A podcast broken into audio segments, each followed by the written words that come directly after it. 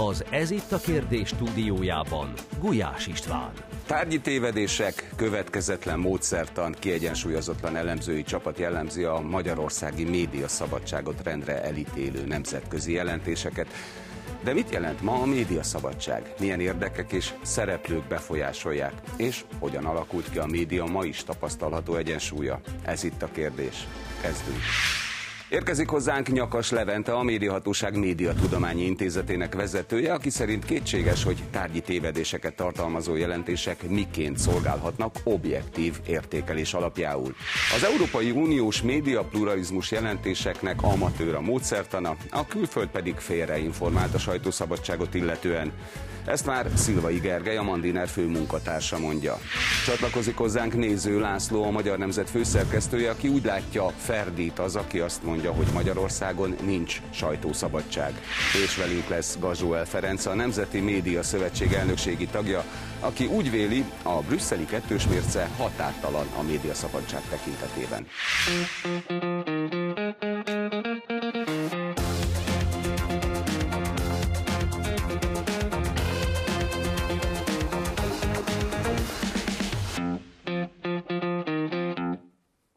Jó estét kívánok, üdvözlöm a nézőket, és köszöntöm stúdiónk vendégeit. Szervusztok, köszönöm, hogy eljöttetek. Média. Hát szerintem darásfészekben nyúl bárki, aki a médiával kezd el foglalkozni a Magyarországon, de nem csak Magyarországon, most már gyakorlatilag az egész világon. És az egyik legfontosabb vita kérdés ebben, hogy mi is az a médiaszabadság? Szerintetek mi az a médiaszabadság? Laci, kezdjük veled itt pont a műsor előtt belekezdtünk, hogy több probléma van a fogalmak meghatározása, hogy mi a sajtó, mi a szabadság, de ugye itt ezek nem csak filozófiai kérdések pusztán, hanem gyakorlati nem, kérdések. Gyakorlati kérdések. Mi, akik itt vagyunk, a hagyományos médiumokat képviseljük, újság, rádió, tévé, esti szél, stb. De hát a, a mai magyar és a, a világ szinten a, a média már, már nem ezt jelenti.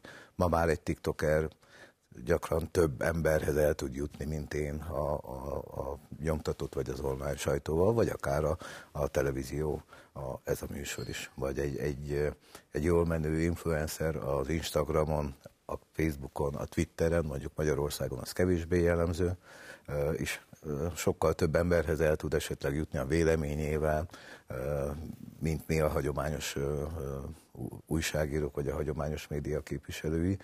Ugyanakkor azok a, a, a törvények, keretek, amelyek minket szorítanak esetenként, azok őket nem. Tehát sokkal, ők sokkal szabadabban nyilváníthatnak akár véleményt is, mint mi, akik ugye keretek közé vagyunk szorítva bizonyos törvények, meg, meg hát a saját belső parancsaink által is, mert ugye azt látjuk, hogy az online világban ezek a belső parancsok, a, az etika, a morál az, az kevésbé működik, nekünk pedig tartani kell magunkat. Úgyhogy ezek olyan nagyon bonyolult kérdések, hogy egyáltalán miről beszélünk, mi a tárgya ennek a mai beszélgetésnek, mi a hagyományos média, média képviselői vagy úgy általában mindazok, akik eh, információt tudnak közölni a mai modern eszközökkel, mert gyakorlatilag akkor a 8 milliárd ember, aki eh, él a, jelenleg a Földön, és valamilyen eszköz van a kezében, mindenki eh, beletartozik ebbe a dologba.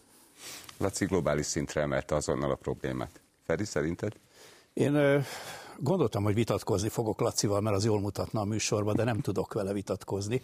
Egy valamit hoznék szóba, talán kiegészítésül, hogy hogy közösségi média. Ezzel nekem személy szerint az a bajom, hogy két bajom van. Egyrészt az, hogy nem közösségi, hiszen nem, nem épít valódi emberi közösséget, csak virtuális közösséget. Bár ennek óriási ereje van, tehát azért e- emellett se lehet egy kézlegyintéssel elmenni. Másik pedig, hogy ha, hogyha a TikTokot és társait vesszük, a szó hagyományos értelmében nem média, akkor lehetne mondani, hogy akkor hagyjuk az egészet, köszönjük a meghívást, és mehetünk mindjárt haza. Iszonyatos befolyása van. De iszonyat, ezt akartam mondani, hogy iszonyatos befolyása van. Tehát ha nem ismerjük meg ennek a belső világát, nem ismerjük ezeknek a, a gyors tüzelésű médiumoknak, én így hívom ezeket, nem ismerjük meg a belső világát, nem ismerjük meg a közönség igényeket igazán, ami ugye a, a 15-től 25 éves korosztály, vagy 15 és 30 év közötti korosztály igényei, akkor egész egyszerűen generációs no zónák fognak kialakulni, tehát olyan mértékben eltávolodunk. Mondhatjuk mi, hogy még oly felkészült és még oly felkent újságírók vagyunk, közünk nem lesz ezekhez a generációkhoz, tehát igenis meg kell tanulnunk őket, meg kell tanulnunk ezeket a, az új médiumokat, nevezzük médiumnak, mindegy, és, és, és akkor beszélhetünk. Akkor mondhatjuk azt, hogy mi az ő eszközeikkel értékalapú tartalmakat fogunk akár 15-20 másodperces videók formájában közölni. Éppen a napokban olvastam, hogy a BBC, a BBC a hírszolgáltatásának több mint 20%-át már a TikTokon ilyen kis flashek videók formájában ö, ö, továbbítja, ami azt mutatja, hogy ők már előbbre vannak, ők már felvették a kesztyűt. Ez így van. Levente, ti rendszeresen készítitek a médiaszabadság jelentések, jelentéseket, tehát te tudósként szólsz hozzá ehhez. Hát, nem, ezt nem mi készítjük, ugye, hanem ezt nemzetközi szervezetek készítik. Mi erről készítettünk valóban egy anyagot, hogy nem az NMHH. Pontosabban egy tanulmányt valóban, tehát igen. Így van, ami azt összegzi, hogy, hogy milyenek ezek a jelentések, illetve hát mm, kritikával illetjük ezeket a, az NMHH kritikával illette ezeket a, ezeket a jelentéseket, hiszen sajnos számtalan tárgyi tévedést tartalmaznak, rengeteg metodológiai problémát vagy kérdést vetnek fel, tehát módszertani kérdéseket, hogy a sajtószabadságot hogyan vizsgálják, miért így vizsgálják, vagy egyáltalán, ha bármilyen típusú jelentést készít valaki, akkor milyen normatív feltételei vannak annak, hogy objektív képet kapjunk egy országnak a jelentéséről, hiszen, hiszen ugye egy kutatóként is, ha valamit vizsgálok, akkor ugye mi a cél, teljes körű tényfeltárás, és hát nyilván hogy valamilyen szinten objektíven próbálom megragadni a valóságot. Az a baj, hogy, hogy ezekből a jelentésekből ö, ilyen értékelés nehéz ö, levonni. Mit vizsgálnak ezek a jelentések Levente? Tehát a reguláris médiát, amiről ugye Laci beszélt, meg Feri is, vagy pedig a, reguláris médiát és a médiát egyszerre? Hát számtalan jelentés van, ugye a, Freedom House-nak több típusú jelentése van, egyik például, ami a netre vonatkozik, ez a Freedom on the Net, akkor a, a média pluralizmus monitor, ugye ezt az Európai Unió um, keretén belül egy, egy intézet készíti, az egy adott országban az egész szektort próbálja megvizsgálni, tehát az összes uniós tagállamban, tehát ott nem csak a régi médiát, vagy most akkor nem hagyományos médiát, hanem az új médiát is. Tehát, hogy, hogy ez változatos, hogy, hogy mi, tehát nem csak a hagyományos médiát vizsgálják. Mi azért foglalkoztunk ezekkel a jelentésekkel, és azért elemeztük ezeket a jelentéseket, mert, mert mondom, sajnos, sajnos hát egyrészt kíváncsiak vagyunk, tehát helyes, hogyha szerintem jelentések készülnek, értékelnek egy, egy médiarendszert, érdeklődéssel fordulunk ehhez, viszont ha azt találjuk, hogy ezek nem megfelelő módon készülnek, vagy téves információkat tartalmaznak, akkor meg szerintem fel kell, tehát fel kell vetni, hogy mik ezekkel a problémák, el kell mondani, és hát hogyha egy párbeszéd alakulhat ki erről, már ez csak azért is fontos, mert például a média pluralizmus monitor ez egy olyan eszköz, ami alapján hát normatív következményei vannak, tehát például a jogállamisági eljárásban ennek következményei vannak, hogy mit állítanak abban a, abban a jelentésben, és tehát tévedések vannak ebben. Rossz metodológiával közelítik meg ezeket a kérdéseket, akkor viszont ennek közvetve vannak következményei jogállamisági eljárásban is. Gergely, médiaszabadság. Én mondtam volna, hogy hogy tekintve ennek a műsornak a témája az a sok jelentés, amit írtak rólunk, illetve a NMHH-nak a jelentésekről szóló jelentése, ezért talán érdemes leszűkíteni arra a, a média e, definíciókat, amikről ezek szólnak, amik nagyjából azért a hagyományos médiumokra e, vonatkoznak. Bár egyébként az is igaz, hogy időnként a, például a média pluralizmus jelentésben az EU-ban ott e, olyan dolgok is szerepelnek, amik amik egyáltalán médiumok, vagy hát nem tudom, hogy a magyar parlament az, vagy a magyar kormány az, hogy médium, de de vannak olyan kitételek, például egy fél mondat az egyik médiapluralizmus jelentésben, ami kifogásolja, hogy kevés a nő a magyar parlamentben, aminek aztán végképp semmi köze nincs a, a, a médiához, szóval vannak benne, benne ilyen anomáliák, emellett pedig nem csak, hogy módszertani problémák vannak benne, hanem időnként egyszerűen nincs módszertan. Hát tudni lehet, hogy ki a szerző, és akkor így leírja, gyakorlatilag leírja az ő benyomásait a magyar médiapiacról, mindenféle hivatkozás nélkül, és akkor így, így ennyi. Meg ugye egyébként, ha már a médiaszabadságot említetted, vagy kérdezted, úgy szintén az egyik médiapluralizmus jelentés írja azt, hogy szerinte Budapesten kívül minden média a kormánypártokhoz közeli emberek kezébe van, ami így faktuálisan cáfolható. Tehát, hogy nem tudom, honnan szedték az információkat. Hát azt mondom, hogy mondjuk ki nyíltan súlyosan részrehajlóak és elfogultak ezek a jelentések. Ők maguk sem tagadják egyébként az elfogultságot bizonyos mértékig. Ezt valamelyik jelentésben ők, ők lényegében le is, le is írták. Egy, egy példát hagy hozzak, igaz, nem mostani a példa, de, de mindent elárul. 2011-ben azt hiszem a Freedom of the Net kiadott egy jelentést, ami arról szólt, hogy Magyarországon létrejött egy adatvédelmi és, és sajtószabadság hivatal, nem ez a pontos neve talán te tudod, és ez a, ez a hivatal viszont az info, adatvédelmi és információszabadság hivatal. Az információ szabad áramlását súlyosan korlátozza, ez volt a jelentésben, 2012. január 1-én kezdte el a működését a hivatal, a jelentés 2011-ről szól. Mindent elár. Hibás volt az információ, de hát eh, pont az, hogyha eh, hibás a módszertan, eh, adott esetben indoktrinált, ideológiailag indoktrinált az információs bázis, akkor ebből hogyan lehet helyes következtetéseket levonni? cél, hogy helyes következtetéseket levonjak. Tételezzük föl, hogy azért hozták létre ezt a hivatalt. Semmi jó. Tehát, uh, szerintem a, megvan az ítélet. Vagy.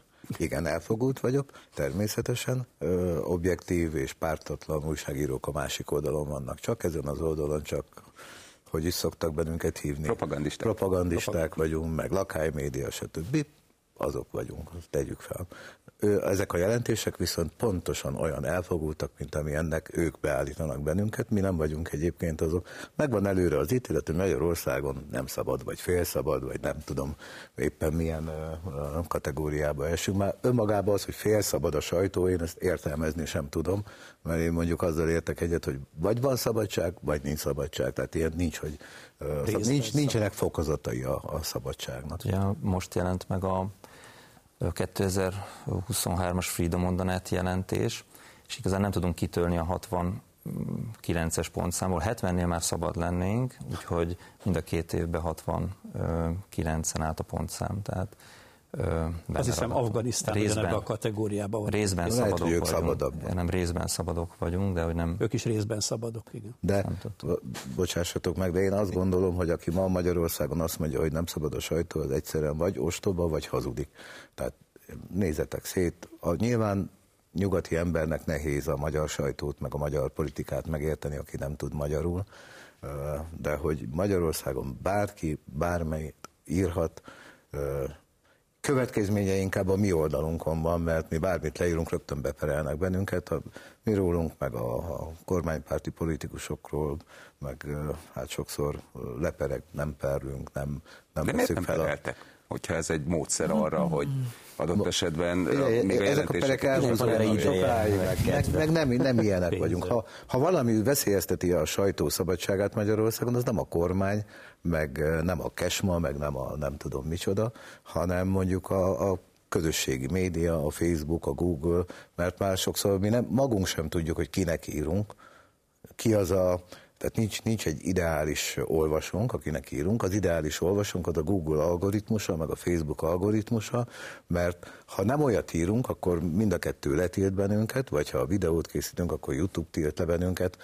Egy szóért, ha megemlítjük, ezt ti tudjátok, Budaházit megemlítjük, már letét mindegy, hogy, hogy akár elítélő, vagy akár csak tényeket közlünk. De ezek magáncégek. Laci. Tehát azért itt a fact-checkerek mondhatják azt, hogy mi azok alapján, az elvek alapján végezzük a munkánkat. Ha tudnánk, mik azok az elvek, akkor könnyebb lenne hozzá. Ami Soha nem a tulajdonos. se. Ezeket se az elveket, sem pedig a szabályokat, ami Kötelezi, szerint kötelezi őket törvény erre?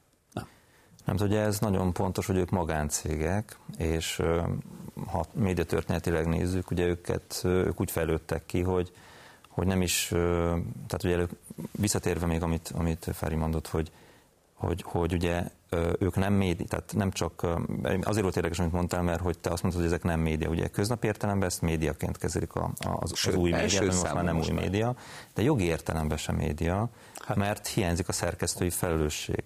Inkább hasonlítanak most nagyon durván egy kábelhálózathoz, egy cső, amin, amin információ áramlik, annyiban különböznek, hogy algoritmusok által ö, szervezik a tartalmat. Ugye ez egy nagyon nagy vita volt az unión belül is, hogy ö, beemeljék a média szabályozásba a platformokat. Tehát ők úgy fejlődtek ki, hogy nem voltak ö, kemény szabályok alá, úgy, mint a média ö, behajtva, pont azért, hogy szabadon fejlődhessenek ki. És ugye hát ki is fejlődtek, olyannyira megerősödtek, hogy ők lettek a ö, tulajdonképpen a szűk, ugye szűk keresztmetszet, bottlenecks, ahogy mondja az angol, és most ugye mindenkinek hozzájuk kell igazodni, aki nyilvánosságot, nyilvánossághoz szeretne jutni, hiszen ők úgy szervezik a tartalmaikat, hogy, és ebből csinálnak üzletet, ugye főként itt a személyes adatokkal kereskednek, hogy, hogy az ő piaci érdekeiknek megfelelően kerülhetnek fel, vagyis hát szervezik ezeket a tartalmakat, a tartalmakhoz való hozzáférést is, és nem csak hagyományos médiát, hanem mindent egymásba olvasztanak. És ugye az a szerkesztői felelősség, ami megvan a hagyományos médiumoknál, az itt nincs meg. Ezen próbál egyébként valamennyit enyhíteni az új uniós szabályozás, ugye ez a, a DSA, hogy próbálja fogyasztói jogokat erősíteni. Reméljük, hogy valamit például most ez a Budaházira visszatérve fog enyhíteni ehhez is jogérvényesítésbe, könnyíteni fog ez a, ez a jogszabály. Ugye ennek most kezdődik a végrehajtása a nagy óriás platformok esetében. Egyébként érdekes, hogyha egy szóra magam, magamhoz ragadtam a mikrofont. Nem csak Budaház esetében, hanem nálunk volt olyan, hogy más politikussal kapcsolatban megüzenték a Facebooktól, miután nagy ezen elértük őket egy tiltás miatt, hogy, hogy jó indulatúan megsimogatták a buksinkat, hogy erről az illetőről ne írjunk, meg arról az illetőről. Ha írunk, akkor használjuk légy szíves a szélső jobboldali jelzőt rá. És mondjuk én nem értett, nem az én kenyerem volt az, az illető politikust megvédeni, de az egy megválasztott politikus volt a Facebook, meg nincs megválasztva. És De ezek a dokumentumok megvannak, olyanokról, hogy, hogy Tehát ezek a dok- tehát ezek e-mailben, valamilyen üzenetben, meg is írtuk egyébként cikkben is. Tehát, hogy, hogy ilyeneket üzengetnek. Meg, bármiféle következménye lett? Hát le voltunk tiltva, majdnem. Tehát, hogy hát ez korlátoztak az. az elérésünket, és közölték, ha még egy rossz lépés, akkor lekapcsolják a, a Facebook oldalunkat. bocsánat, Tehát, ez, hogy ez, ez a magától a platformtól érkezett, hogy Igen. hogyan kell minős. Na, Ez viszont már tartalomba való beavatkozás. Igen. Ha megmondják, hogy mit, ez olyan, mint De egy hogy szerzel érvényt a jogaidnak? Mert ugye és ez egy e- teljesen ezt jogon is csak úgy tudtuk helyzet. meg, hogy nagy nehezen valami kapcsolatokon keresztül sikerült elérni valakit Dublinban, aki ott dolgozik. És ha nincs ilyen, akkor ezt se tudjuk meg. Másik, hogy ezt megelőzően egyik amerikai barátunk, aki dolgozik, a Rodri Hernek valamelyik cikkét Amerikából leszemléztük, kitettük Facebookra, Ferenc pápa volt benne, meg Orbán Viktor, mit tudom én, és akkor ezt lefekcsekelte a Facebook, és ekkor küldött ránk egy nagy korlátozást, mondván, hogy a Rodri Her ö, téved a tényekben, ami nem volt igaz, mert véleményt írt, nem pedig tényeket egyébként. Másrészt pedig, hogy ne szemlézzük Rod mert. Rod náluk a veszélyes, dangerous kategóriában van. Egy joviális, louisianai, középjobbos ember. Tehát ilyen, ilyen, és javasolták, hogy ne, ne, ne tegyük Facebookra, ha írunk róla, akkor se. Tehát ez teljesen... Körülbelül negyed óra elment a műsorból, Laci, az elején fölvetett egyet, melyik sajtóról beszélgetünk, és lám már is el- elindultunk abba az irányba, az új média felé, mert hogy az első számú információforrás valóban az lett. De azért Magyarországon a klasszikus, a törvények által szabályozott sajtót éri a legtöbb támadás azért mind az Európai Unió részéről, mind pedig adott esetben mondjuk a, az ellenzék részéről. És azért itt nagyon fontos, hogy picit lépjünk vissza egy néhány évtizedet. Mikor követődött el az ősbűn? Honnan ered az, hogy ma Magyarországon ilyen szélsőségesen ellentétes vélemények vannak a sajtóval kapcsolatban? Hát, ott voltunk vissza, egyébként, ott, amikor ott voltunk, ott voltunk, igen, a kezdeteknél, ha úgy tetszik, és ez a rendszerváltás körüli időszak, sőt, még előtte ez a bizonyos szabadrablásos, privatizációs időszak, tehát a 88-tól datálódik, datálódik ez. Több, több okra vezethető vissza ez meggyőződésem. Az egyik az mindenképpen a rendszerváltás után elmaradt a, a, az igazságtétel. Nem számonkérésről beszélek, hisz vértelen átalakulás történt, hanem az igazságtétel. Ebből az következett, hogy megéltük mi ezt, hogy, hogy médiavezetők a Népszabadságnál, a Pallas kiadónál és hasonló helyeken, televízióban, rádióban szépen becsomagoltak, bedobozoltak, várták, hogy valaki azt mondja, hogy barátom, hát fáradj kiebb le vagy váltva, és aztán utána kicsomagoltak, mert nem szólt hozzájuk a, a kutya se. Sőt. Ezzel, ezzel párban működött az a fajta privatizáció, aminek a keretében például a megyei lapokat egyetlen éjszaka alatt átjátszották az Axel Springernek, a régi elvtársak még az utolsó mozdulataik egyikével, ahol megmaradtak a, a régi elvek alapján kiválasztott vezetők, tehát ott sem történt semmi. Ezek a megyei lapok egyébként a pártbizottságok lapjai Ezek voltak. a megyei pártbizottságok lapjai voltak, tehát ugyanazok az emberek vezették tovább, ugyanazok írták a publicisztikákat jó ideig még, tehát nem történt semmi. Ehhez az egészhez hozzájárult még a paktum, Ugye Antal Józseftől tudjuk, hogy ő úgy fogalmazott, és hát higgyük el neki, hogy a paktum nélkül nem tudott volna kormányozni, nem tudott volna stabilan ez a, a, az új, új ö, rezsim fennmaradni, már pedig Magyarországon tényleg azért ez számottevő, hogy a környező országok közül talán egyedüliként kitöltötték a négy évet ők is. De a paktum révén kétségtelen, hogy a, a informálisan a, a sajtó, az oktatás, és még egy sor más a kultúra bizonyos területei ezek a szabad, szabad demokraták érdekkörébe tartoztak inkább. Na most erre rakódott rá a média háború, és pedig azért, mert egy 1986-ban hozott média törvény maradt életben egészen 96-ig, amikor ugye a duális média bejött Magyarországra a kereskedelmi és a, és a közszolgálati megosztásával, és a média háború közepette alakultak ki olyan teljesen egészségtelen arányok, hogy a balliberális oldalnak körülbelül a média, oldal körülbelül a média, akkori média 85%-át uralta, a mondhatni patri, patrióta, polgári, konzervatív irányzat pedig a 15%-át. Tehát nem véletlenül mondta Megyesi Péter 2002-ben, mikor hatalomra vesz, került, hogy ja, hát az Orbán, ha médiát akar, akkor vegyen magának. És vett. Igen, de azért az mindez igaz, amit mondasz, de ne felejtsük el, hogy az Antal kormánynak is és az első Orbán kormánynak is van bűne ebben, hogy ez így alakult, mert a, én konkrétan az Antal kormányra emlékszem, az MDF környezetében dolgoztam akkoriban, mit tett a média? Tehát mit tett, hogy megteremtse a jobboldali, konzervatív, nemzeti érzelmi médiumot? Semmit.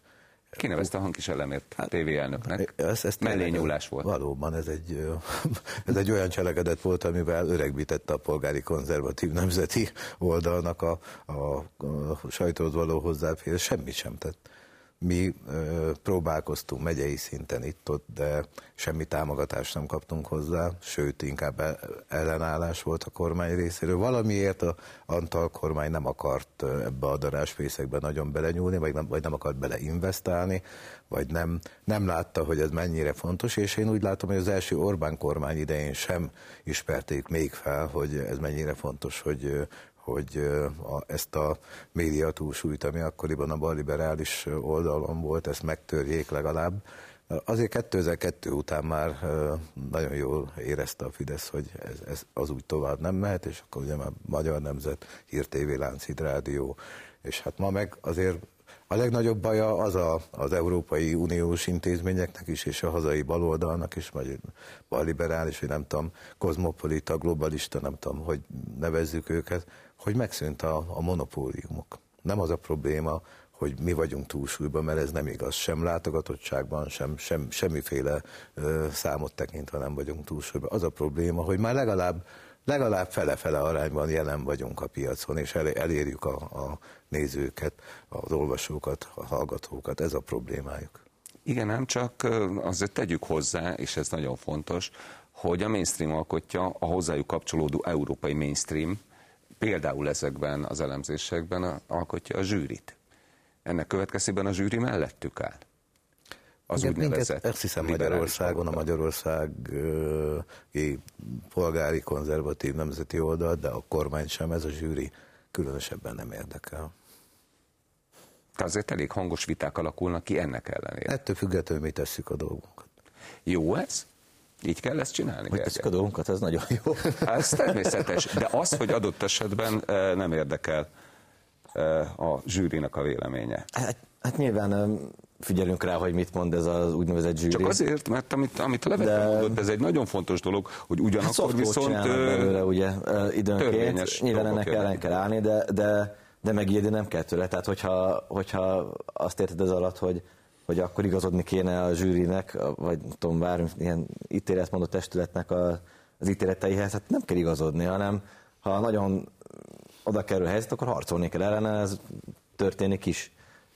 És ilyen szempontból egyébként talán a médiapluralizmus jelentés az, ami, ami veszélyes, hiszen a jogállami jelentésnek az része. Na erről van szó, erről akartam. a milliók. A Freedom House az kevésbé, nyilván hivatkozzák itt. Tehát igazából ezeknek a, a, a, a tudósok szűk köreiben esetleg van relevanciája, akik körbehivatkozzák egymást, és senki más nem el őket. Ha ez eszivárog a soft law alkotásban az EU-ban, akkor már érdemes figyelni, de ez nem a mi feladat, nyilván mi megírjuk, hogy mit mondanak, meg ez miért rossz, de ez, ez felettünk lévő szintek dolga ezt kint leharcolni. Esetleg egy nemzetközi újságíró szervezetekbe lehet még harcolni, meg írogatni nyugati kollégáknak, ha valaki ismerőket szívesen, hogy figyelj, ez így nem igaz, vagy angol cikkeket írni, meg ilyesmik, de... Rezonálnak rá egyébként? Nem, ha írogat? nyilván nem. nem.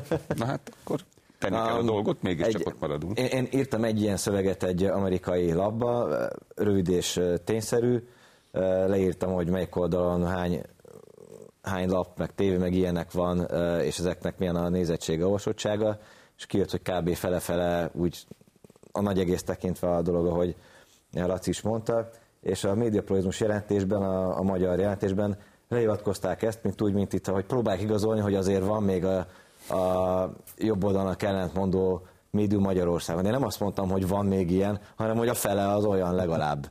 Tehát, hogy...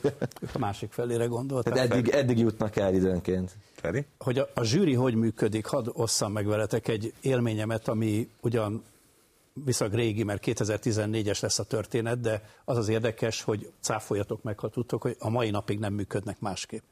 14-ben a választások előtt idejött 23 országból egy-egy küldött, hogy a választások tisztaságát vizsgálja, és a szállodában, ahol laktak, oda meghívtak minket egy beszélgetésre, ott volt Koltai András, jó magam, én akkor az MTI vezérigazgatója voltam, tehát ebben a minőségemben ültem ott. Az asztalnál egyetlen magyar ember ült, Haraszti Miklós, aki, aki a, ennek a bizonyos ellenőrző bizottságnak volt a média szakértője, mindenki a saját anyanyelvén beszélt, és mindenki szinkrontolmács fordított. Feltűnt egyébként, hogy Haraszti honfitársam volt az egyetlen, aki amikor én beszéltem, akkor az angol fordítást hallotta, tehát füles, fülessel hallgatta a beszédet, de hát ez csak egy apró intermezzo.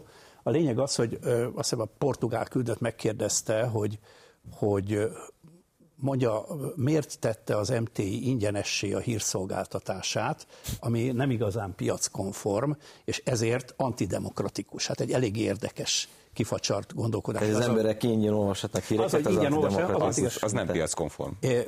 És hogy, hogy, hogy mi ennek az okát? Mondom, például egy példával éljek, például az az, az, az oka, hogy a, a hagyományos, nagymúltú baloldali népszava című újság, ami egy meghatározó lapnak számított korábban, különben nem tudná megvenni a mi híreinket, mert 15 ezerre csökkent 60 ezerről a példányszáma, tehát az érdeklődés iránta. Úgyhogy én kitartok amellett, és visszautasítom ezt, hogy az antidemokratikus lenne. Ez éppen, hogy a, a demokráciának a kiteljesedését jelzi az, a média területén, hogy a, a Nemzeti Hírügynökség ingyen adja a központi hírszolgáltatását. Lezajlott ez a dolog, másnap választások történtek Magyarországon, ez a bizonyos bizottság az összefoglaló jelentését elküldte nekünk is, akiket ott vendégként meghívott, és ebben az állt, hogy a választások rendben lezajlottak, választási csalásról szó sem volt, de a média területén, mint a háttérbeszélgetésekből kiderül, még nagyon sok kívánni való maradt a következő időszakra. Nyilvánvalóan ők hazaporzottak, és állandó szakértőjük Haraszti Miklós megírta a maga jelentését Magyarországról. Faneg utal azt mondja, hogy így megy ez. Amit Ferenc mondott azzal kapcsolatban eszembe, hogy egyébként itt érhető az is tetten, hogy hogy a sajtószabadságnak ugye különböző értelmezései vannak, és hogy hogy miért mondhatta ezt, hogy, hogy baj, hogyha ingyenes a, a, az MTI, ingyenesen szolgáltat hírt, hiszen a sajtószabadság ugye van olyan eszmé, ami azt mondja, hogy az a szabad sajtó, ami piaci sajtós, piaci alapon szerveződik. Tehát hogy azért mondom, hogy, hogy azt mindig tisztázni kell, hogy, hogy ki milyen alapon gondolkodik. Ugye a társadalomfelelősségi teória, amit inkább Európában honos, ahol az állam beavatkoz, beavatkozhat, és ennek van legitimációs alapja, ez megint egy másik. Akkor van individualista irányzat, amely kifejezetten csak az individumra koncentrál. Nyilván ezeknek, a, ezeknek valahogy a, a, a vegyülete van jelen általában a, a manapság a, akár szabályozási koncepciókban is, de, de valamelyik, valamelyik mindig hangsúlyosabb, ez csak magyarázat lehet arra, hogy miért, miért, miért, mert nem én csinálom, és én piaci alapon megcsinálnám.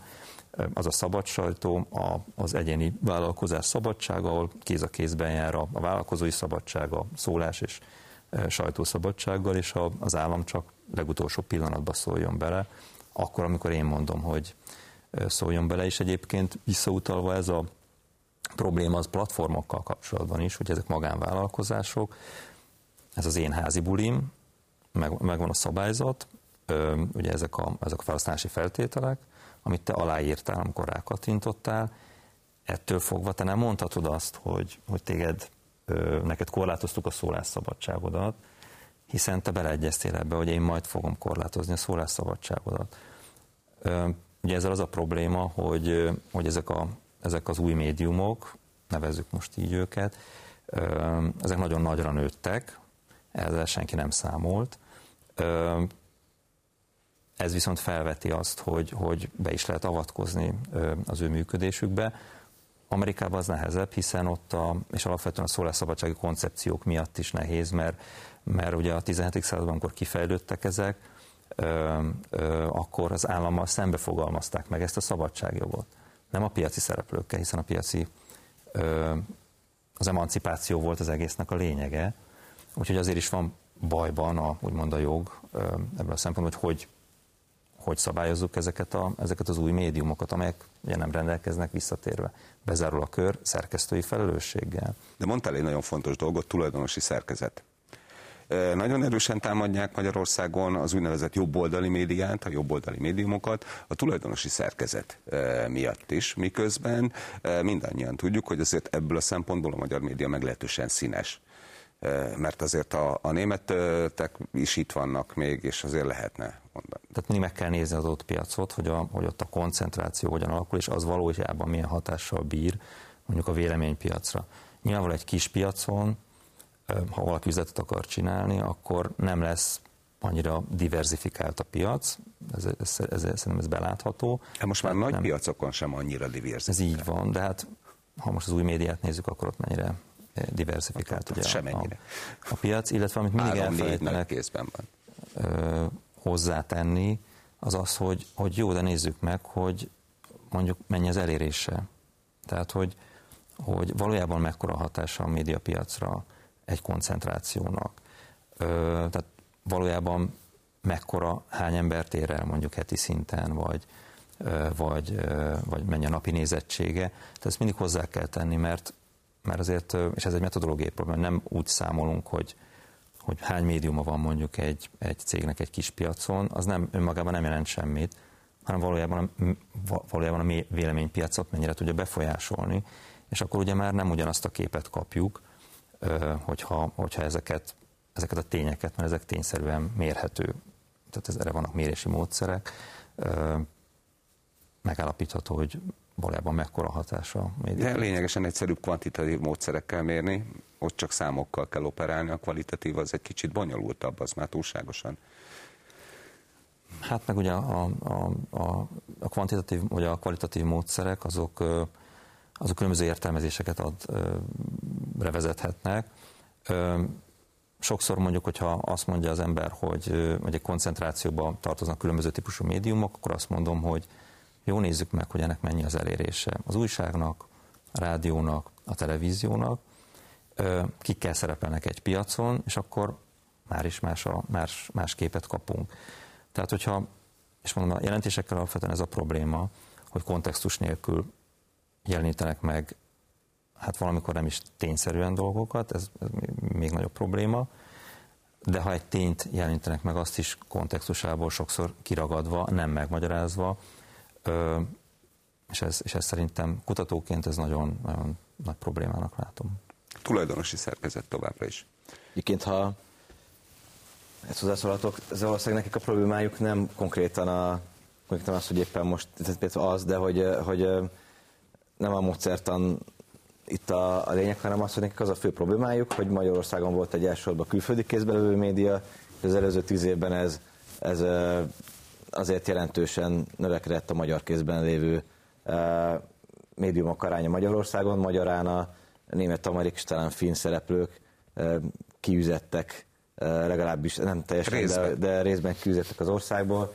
Valószínűleg főleg ez fáj, és egyébként tök érdekes, hogy az egyik médiapozmus jelentésben van olyan megjegyzés, hogy valamely baloldali médiumot egyébként nem tudom, a tulajdonosi szerkezetében jelen vannak tudom, kormány közelnek titulált tulajdonosok is, meg, meg olyan nyomdában nyomják meg ilyenek, és hogy még, még a, még a kormányellenes véleménynek is olyan tulajdonosa van, miközben ez egyébként pont azt igazolná, hogy egyébként hát pont az ellenkezőjét is igazolhatnák ezzel, mint amit igazolni akarnak. Nézd, az ön, önellentmondások azért az, nem nem akadályozzák meg, hogy ítéletet mondjanak. És én azt szoktam csinálni, múltkor vitatkoztam egy német illetővel, Belgrádban egyébként, kérdezte, hogy mi a helyzet ezzel a médiaszabadsága Magyarországon, elővettem egy magyar oldalt, ami, ami monitorozza, hogy milyen a hírportálok olvasottsága, és akkor mondtam neki, hogy na, baloldali, jobboldali, baloldali, baloldali, jobboldali, és akkor így soroltam neki, hogy melyiknek mi a politikai nézete,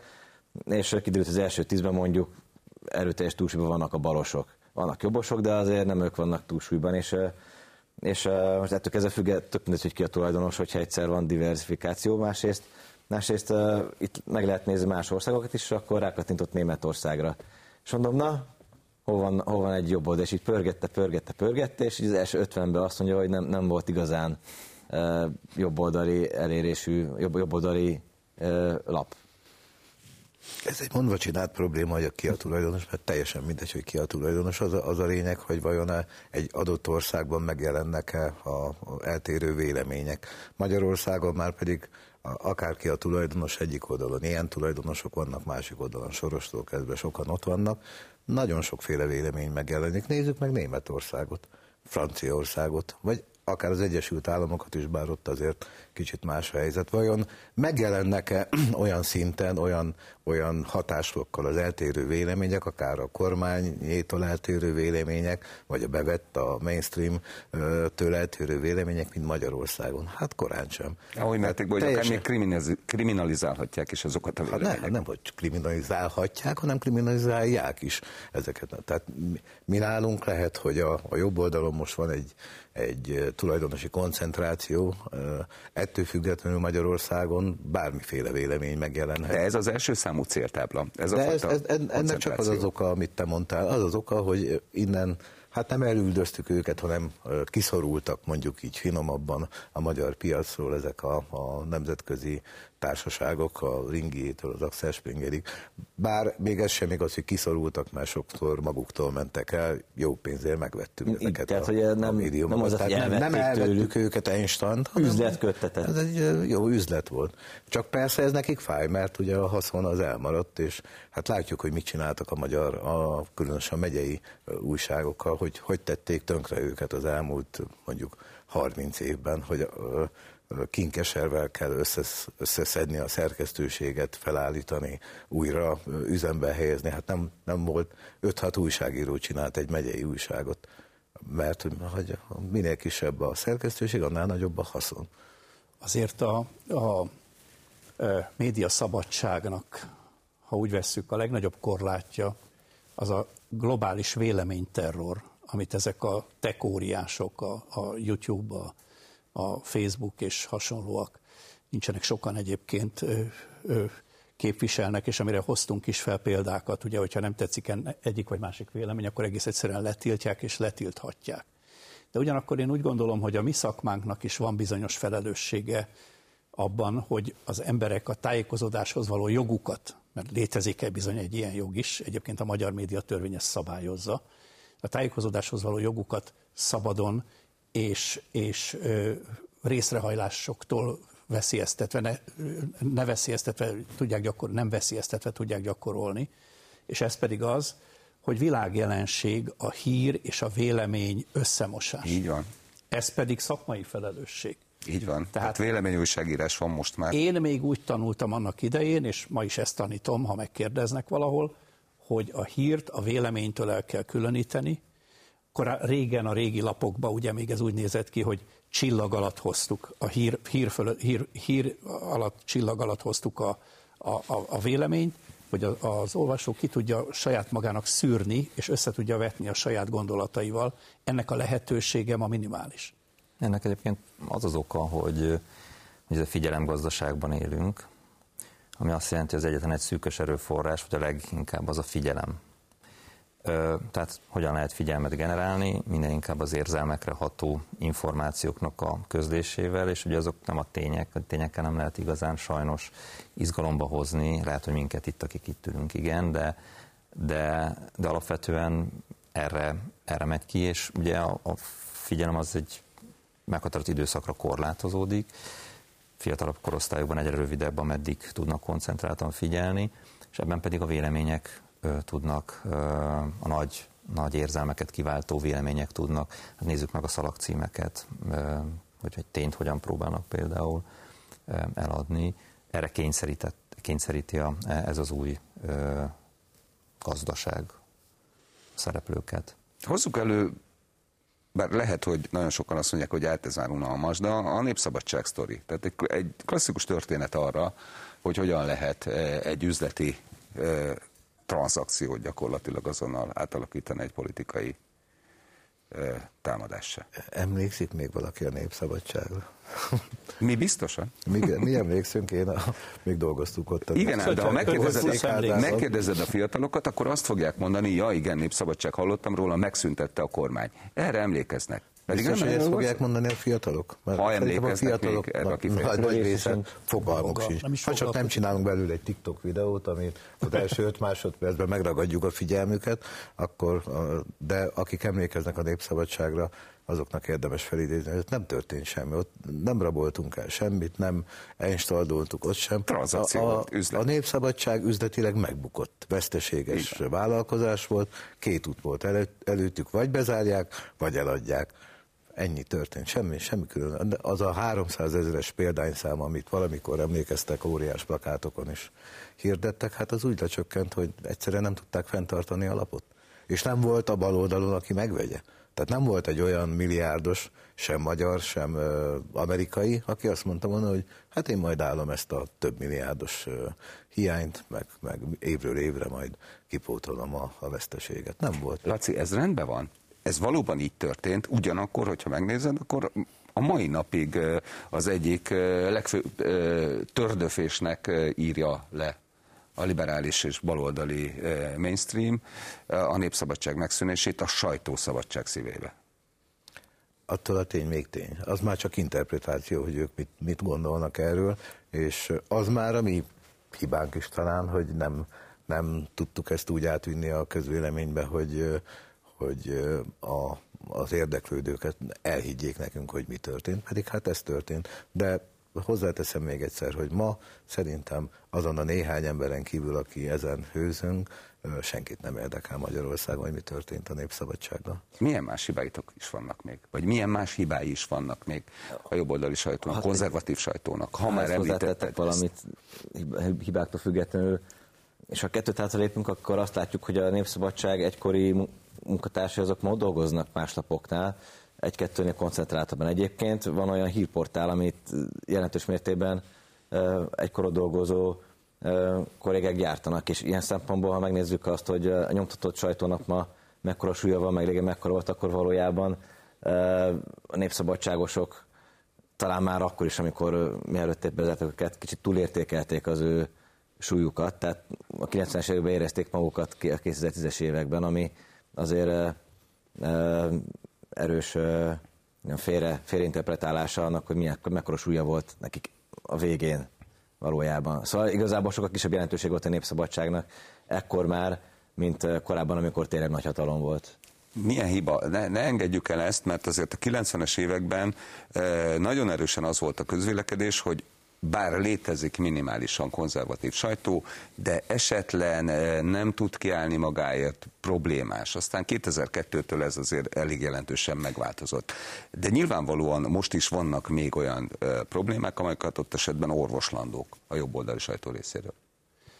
Hát például az, hogy bizonyos kérdésekben túlzottan úri emberek vagyunk szerintem. Tehát egész Miért egy... nem pereltek? Igen, igen te, tetszettek volna perelni. Mondok egy példát, itt van a klubrádió ügye, ami a népszabadságnál azért nagyobb botránykő volt, főleg a nemzetközi szervezetek ilyen Az média, is hangos volt valóban. Nagyon-nagyon hangos volt, ahol ugye az történt, hogy egész egyszerűen törvénytelenül működött a klubrádió gazdasági értelemben, egy hosszú időszak volt, amíg ezt eljuttatták egész a kúriáig, tehát a, a fellebbítel, legfelsőbb fellebbviteli fórumig, amely, amely aztán kimondta, hogy igen, a klubrádiót nem lehet pályáz, pályázatra engedni, mert törvénytelenül működik, még egyszer mondom, nem politikai, nem tartalmi, hanem gazdasági értelemben.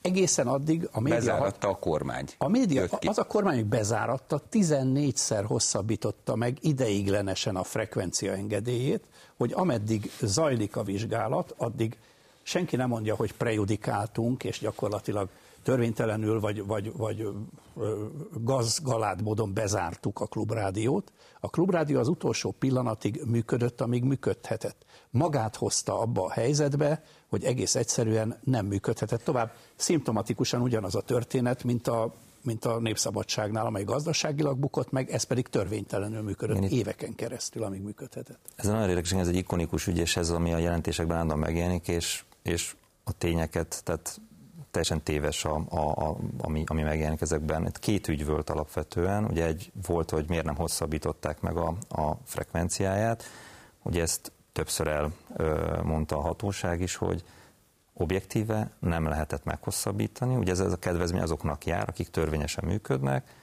Neki volt két jogsértése, amiatt a médiatanácsnak nem adhatta meg ezt a kedvezményt, ami egyébként azoknak jár. Egyébként könnyen kezelhető kis jogsértések voltak. Tehát akkor a médiatanács nem járt volna el, jogszabályoknak megfelelően jogsort sértett volna, hogyha meghosszabbítja az engedélyét. és ugye ez, ez egyszer végment ugyanígy a kúrián. Ez volt az első, első ügy, és ez, ez, ez van, hogy miért, miért nem hosszabbította meg, járt, nem járt neki ez. Egyébként csak, a, a, hogy hány ilyen döntése született a hatóságnak, az elmúlt hat évben 13 ilyen döntése volt, senki nem talált ebbe problémát. Normatívan működött a médiatanács. De ez, ez egyetlen egy ügy volt, ami úgy ment át, hogy minthogyha politikai motiváltságból nem adta volna meg neki ezt a lehetőséget, nem igaz. Ő volt a nem tudom hanyadik e, ebben a, ebben a kérdésben. Én is beszélgettem ma valakivel, ugyanez a történet van meg, hiába a tények teljesen más mondanak. A másik, hogy utána kiírták a frekvenciát, és elindulhatott ezen a pályázaton, és ez, amit, amiről te beszélsz, hogy ott meg nem teljesítette a, a megfelelő feltételeket, ami megint csak végigment egészen a kúriáig, és ott is megállapították, hogy törvényes volt, a, törvényes volt az eljárás. És ugye különösen fájó, hogy a jelentések ezt mind nem említik meg, és attól is eltekintenek, hogy egy jogrendszer működött, és azt mondta erre, hogy minden törvényes volt. Ez, ez, ez a... Nem illene bele a, a jogállami uh, működési Mert szerintük az Orbán rendszer bebarálta a jogrendszert. A narratívájában. Ezzel fogják magyarázni, gondolom. De még az előző, kér, van. az előző kérdéset nagyon gyorsan. Tehát nem magyaráztuk ezt el úgy, ahogy el kellett volna mondani. És lehet, hogy született egy jó publicisztika, lehet, hogy volt erről egy oknyomozó riport, érdemes lenne kigyűjteni, de hogy a, a konzervatív média minden platformja nem futott rá erre a témára. Lehet, hogy, hogy minden kritika nélkül erről kellett volna akkor ott melegében egy ilyen egyórás kerekasztal beszélgetést folytatni, és aztán ezt hozni a többi platformon ennek az eredményeit, az ott elhangzott hírértékű mondásokat. Tehát egy ilyen, egy ilyen szinergikus ö, ö, korszerű, média szempontból korszerűen kezelt magyarázat nem volt egyik ügyben sem, és ezért éghetett be az emberekbe a, a, a hamis állítás, mert a másik oldal viszont ezt megtette.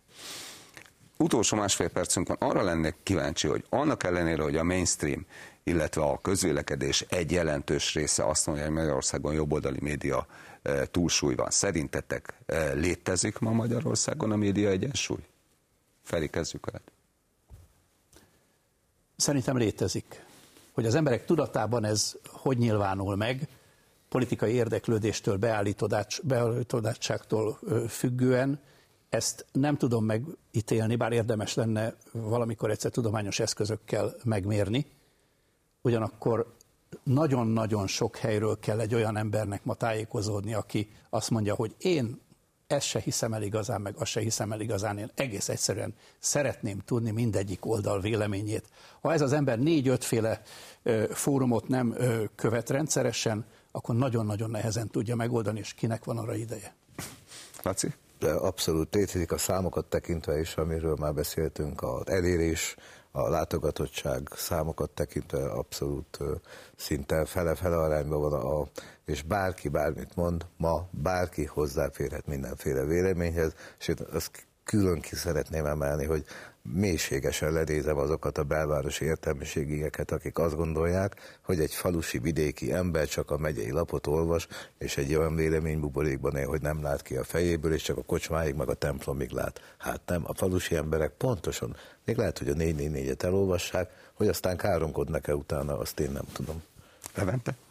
Én azt gondolom, hogy Magyarországon, a kutatóként, hogy a normatív feltételei fennállnak, hogy bárki ezen a médiapiacon ott legyen, és bármilyen típusú információhoz hozzáférjen.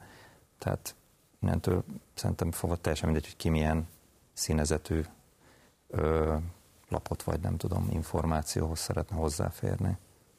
Gergely, tiéd a végszó. Jobb oldali túlsúly nincs, nagyjából egyensúly az van szerintem. Ez volt a végszó. Köszönöm, hogy eljöttetek. Önök pedig az Ez itt a kérdés látták, műsorunkat újra megnézhetik a mediaclick.hu és a Youtube-on, és meghallgathatják a Spotify-on. Hazakerül Magyarországra a Horti család hagyatéka, de vajon a dokumentumoknak köszönhetően hogyan változik majd Horti Miklós történelmi megítélése? Ennek járunk utána az Ez itt a kérdés holnapi műsorában tartsanak velünk akkor is, én kollégáim nevében is köszönöm mai megtisztelő figyelmüket, viszontlátásra!